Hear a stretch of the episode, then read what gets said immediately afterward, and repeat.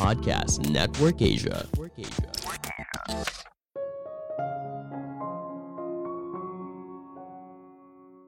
Sebuah perusahaan bisa besar apabila kamu punya mimpi bagaimana perusahaan kamu bisa menjadi yang terbaik di bidangnya. Halo semuanya, nama saya Michael. Selamat datang di podcast saya, Sikutu Buku.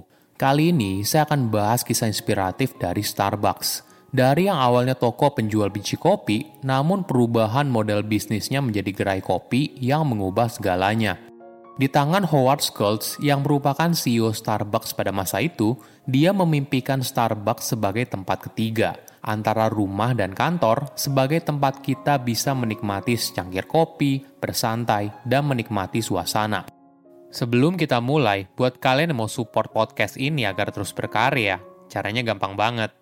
Kalian cukup klik follow Dukungan kalian membantu banget supaya kita bisa rutin posting dan bersama-sama belajar di podcast ini.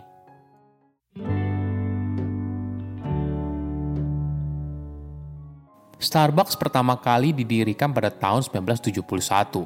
Awalnya, Starbucks didirikan karena terinspirasi dari sebuah toko roasting kopi lokal yang terkenal pada masa itu. Mereka ingin meniru model bisnisnya dengan menjual biji kopi yang berkualitas dan mesin kopi.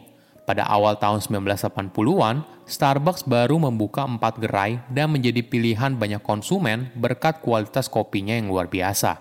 Namun jika kamu melihat Starbucks pada masa itu, mungkin tidak akan pernah terbayang kalau Starbucks yang dulu bisa seperti Starbucks yang kita kenal sekarang.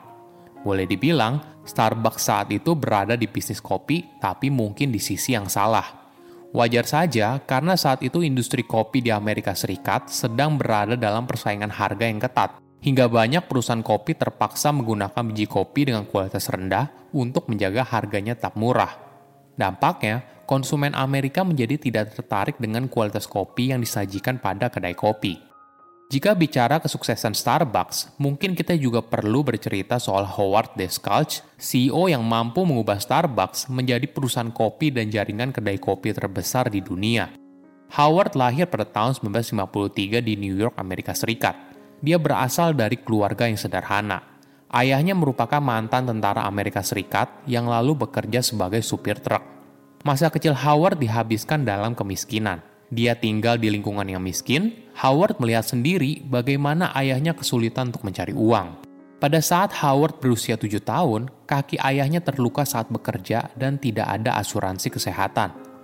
Tantangan hidup yang berat di masa kecil membentuk dirinya menjadi pribadi yang kuat. Kemudian pada saat di sekolah menengah atas, Howard berhasil mendapatkan beasiswa untuk kuliah karena dirinya merupakan atlet sepak bola. Namun saat kuliah, dia justru memutuskan untuk tidak bermain sepak bola. Jadi untuk membayar biaya kuliahnya, Howard bekerja sebagai bartender dan juga menjual darahnya beberapa kali. Setelah lulus, dia bekerja di bagian penjualan. Hingga suatu hari, perusahaannya menjual mesin kopi kepada Starbucks. Howard mulai memperhatikan Starbucks saat mereka membeli mesin kopi dalam jumlah yang banyak. Inilah yang membuat dia penasaran soal bisnis yang dimiliki oleh Starbucks. Howard pun sampai harus terbang ke Seattle untuk bertemu langsung dengan pemilik Starbucks pada masa itu, Gerald Baldwin dan Garden Bowker. Setelah bertahun-tahun membujuk agar bisa bergabung, pemilik Starbucks akhirnya merekrut Howard sebagai direktur operasional dan pemasaran. Saat itu, baru ada tiga kedai kopi yang dimiliki oleh Starbucks. Perjalanan yang mengubah Starbucks dan Howard adalah saat Howard sedang pergi ke Milan, Italia untuk mengunjungi pameran internasional peralatan rumah tangga. Ketika berkeliling kota, dia tidak sengaja datang ke sebuah kedai kopi yang mengesankan. Pemilik kedai kopi itu memiliki hubungan personal dengan para pelanggannya, bahkan memanggil nama mereka saat memberikan pesanan. Howard mulai membayangkan kalau konsep serupa bisa sukses apabila diterapkan di Amerika Serikat dia memimpikan Starbucks sebagai tempat ketiga, antara rumah dan kantor, sebagai tempat kita bisa menikmati secangkir kopi, bersantai, dan menikmati suasana. Namun pada tahun 1985, Howard keluar dari Starbucks karena ide perbaikan Starbucks berdasarkan kedai kopi di Italia ditolak. Mungkin sebagai gambaran, saat itu bisnis Starbucks lebih fokus pada roasting kopi daripada kedai kopi. Jadi konsumen membeli biji kopi dari Starbucks, lalu biji tersebut dibuat secara mandiri oleh konsumen di rumah. Howard pun akhirnya mendirikan perusahaan kopi sendiri bernama Il Giornale, yang artinya sehari-hari dalam bahasa Italia. Beberapa tahun awal merupakan tahun yang sangat berat. Howard perlu menggalang dana investor agar perusahaannya bisa terus berjalan. Dari 242 orang yang ditemuinya, hampir 90% orang menolak. Namun kerja keras Howard membuahkan hasil yang manis perusahaannya mulai mendapatkan kepercayaan dari konsumen dan pada tahun 1987, Il Giornale membeli Starbucks beserta 17 kedai kopi yang dimilikinya. Howard punya mimpi yang besar kalau Starbucks bisa menjadi jaringan kedai kopi internasional daripada hanya pemain lokal. Ketika Starbucks membuka gerainya pertama kali di New York, Howard mulai memperkenalkan beberapa terminologi baru yang diadopsinya saat di Italia, mulai dari jenis kopinya seperti latte, hingga ke ukuran gelas yang dijual, yaitu grande dan venti. Pengalaman ini membuat konsumen menjadi bangga saat membeli Starbucks, sehingga mereka rela membeli dengan harga yang relatif lebih mahal. Dalam waktu 10 tahun hingga tahun 2008, kedai kopi Starbucks telah berkembang secara signifikan, dari hanya hampir 2.000 gerai menjadi lebih dari 15.000 gerai. Pada tahun 1996, Starbucks berhasil meluncurkan gerai pertama mereka di Jepang, sebagai bukti kalau konsep yang diusungnya mampu diterapkan dengan budaya yang sama sekali berbeda. Kesuksesan ini lalu mendorong penambahan 25 gerai di Jepang hingga tahun 1998. Manajemen Starbucks punya caranya sendiri dalam perluas jaringan kedai kopinya. Di tahap awal, semua gerai yang dibuka harus dimiliki dan dioperasikan oleh perusahaan daripada menggunakan model waralaba seperti halnya banyak perusahaan Amerika.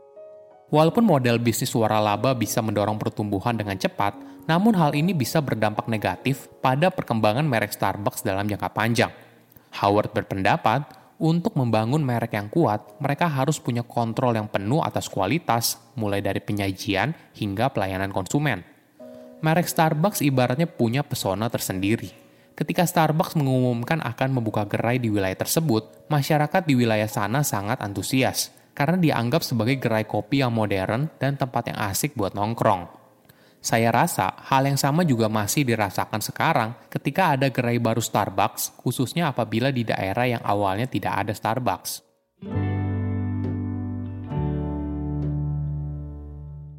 Namun pada tahun 2008, krisis keuangan melanda Amerika Serikat. Starbucks pun ikut terkena dampaknya. Howard yang awalnya dipromosikan sebagai komisaris pada tahun 2000 memutuskan untuk kembali menjadi CEO saat kondisi Starbucks sedang genting. Harga saham Starbucks sudah turun 75% selama periode 2 tahun yang lalu dan pengalaman minum kopi yang awalnya diciptakan oleh Howard sudah mulai memudar. Keputusan dirinya untuk menjadi CEO sebagai bentuk tanggung jawab atas kesalahan yang dibuat bersama dengan manajemen. Howard pun memecat hampir semua anggota direksi yang tidak memiliki kinerja yang baik menutup toko yang merugi, dan merekrut kembali manajemen yang telah membantunya dulu. Langkah drastis yang diambil lainnya adalah Howard mengundang 10.000 manajer toko untuk mengingatkan mereka betapa pentingnya nilai perusahaan dan praktis bisnis terbaik yang selama ini menjadi kunci kesuksesan Starbucks. Strategi ini berhasil dan perlahan-lahan kondisi keuangan Starbucks membaik. Saat ini, Starbucks telah memiliki lebih dari 32.000 gerai di seluruh dunia jadi, apa pelajaran yang bisa kita ambil dari kisah inspiratif ini? Pertama, jangan takut mencoba hal baru. Ketika kompetitor fokus menjual biji kopi, Howard datang dengan ide kalau Starbucks harus menjadi gerai kopi yang bisa menjadi tempat ketiga antara rumah dan kantor. Ini merupakan ide yang sulit diterima, namun apabila tidak dijalankan, mungkin saja Starbucks tidak bisa sebesar sekarang. Kedua, kualitas harus jadi yang utama. Kadang sebagai pebisnis, kita tidak sabar dan ingin bisnis kita cepat besar. Namun terlalu cepat besar justru berbahaya. Manajemen Starbucks tidak memilih model bisnis waralaba di awal karena khawatir akan merusak kualitas merek yang telah dibangun susah payah. Ketiga, akui kesalahan dan perbaiki. Ketika Starbucks mengalami krisis keuangan, Howard mengakui kesalahannya sebagai komisaris dan memutuskan untuk turun tangan menjadi CEO. Keputusan ini yang membuat Starbucks bisa kembali bangkit dan bertahan dari gempuran krisis ekonomi. Howard pernah berkata, saya tidak dapat menawarkan resep rahasia khusus untuk sukses, rencana yang sempurna, atau bagaimana cara mencapai puncak kesuksesan dalam bisnis. Tetapi pengalaman saya sendiri menunjukkan, memulai dari awal dan mencapai lebih dari apa yang saya impikan adalah hal yang sangat mungkin. Saya undur diri, jangan lupa follow podcast Sikutu Buku. Bye-bye. Pandangan dan opini yang disampaikan oleh kreator podcast, host, dan tamu tidak mencerminkan kebijakan resmi dan bagian dari podcast Network Asia. Setiap konten yang disampaikan mereka di dalam podcast adalah opini mereka sendiri dan tidak bermaksud untuk merugikan agama, grup etnik, perkumpulan, organisasi, perusahaan, perorangan, atau siapa pun dan apa pun.